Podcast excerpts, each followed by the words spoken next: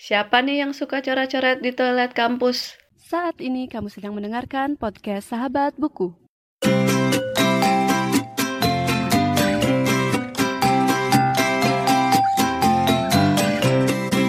Halo semuanya dan selamat datang kembali di podcast Sahabat Buku. Bagi kamu yang baru pertama kali mendengarkan podcast ini, podcast Sahabat Buku adalah sebuah podcast yang membahas review buku dan pengalamanku saat membaca buku.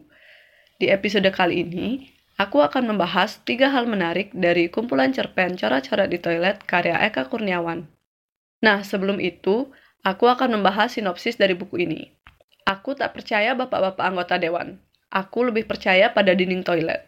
Itu adalah salah satu kutipan dari kumpulan cerpen coret-coret di toilet karya Eka Kurniawan. Buku ini pertama kali diterbitkan sekitar tahun 2000 oleh Yayasan Aksara Indonesia yang berisi 10 cerpen yang nantinya diterbitkan kembali oleh Gramedia pada tahun 2014 dan menjadi 12 cerpen.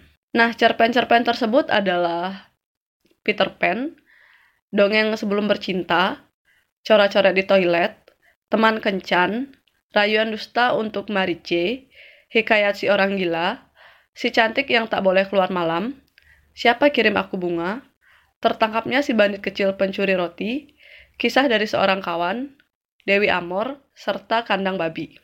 Nah, sebelum lanjut ke bagian kedua, kamu juga bisa menemukan podcast Sahabat Buku di Instagram, at podcast Sahabat Buku, dan Twitter, at Sahabat Buku underscore.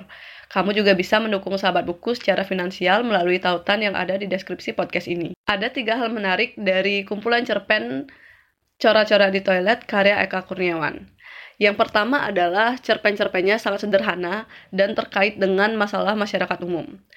Cerpen-cerpen dalam buku ini mengangkat permasalahan masyarakat umum dan salah satunya bisa ditemukan di cerpen yang judulnya Coret-coret di Toilet, yaitu sebuah cerpen yang membahas tentang sebuah toilet kampus yang dijadikan tempat bercerita oleh para mahasiswanya.